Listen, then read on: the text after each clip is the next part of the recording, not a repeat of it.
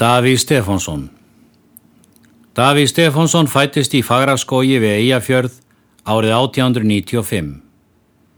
Fyrsta ljóðabók hans Svartar fjadrir 1919 vakti þegar mikla aðdáun og ennir Davíð eitt af okkar ásælustu skáldum.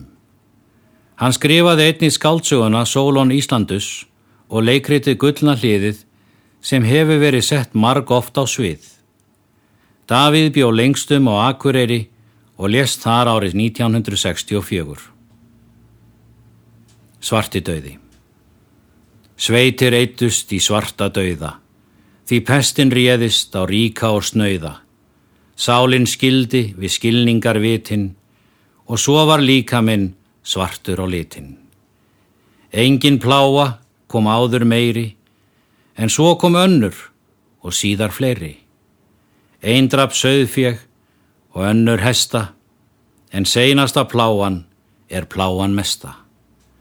Hún berst um landið með bladagreinum og veldur allskonar innan meinum. Menn síkjast jafnvel af sjúkra orðum, svo pláan fyrr hraðar en pestin forðum. Hún ræðist eins og fyrr á ríka og snauða og svipar að nokkru til svarta dauða en nú verður líka minn ljós og bjartur, en innri maðurinn allur svartur.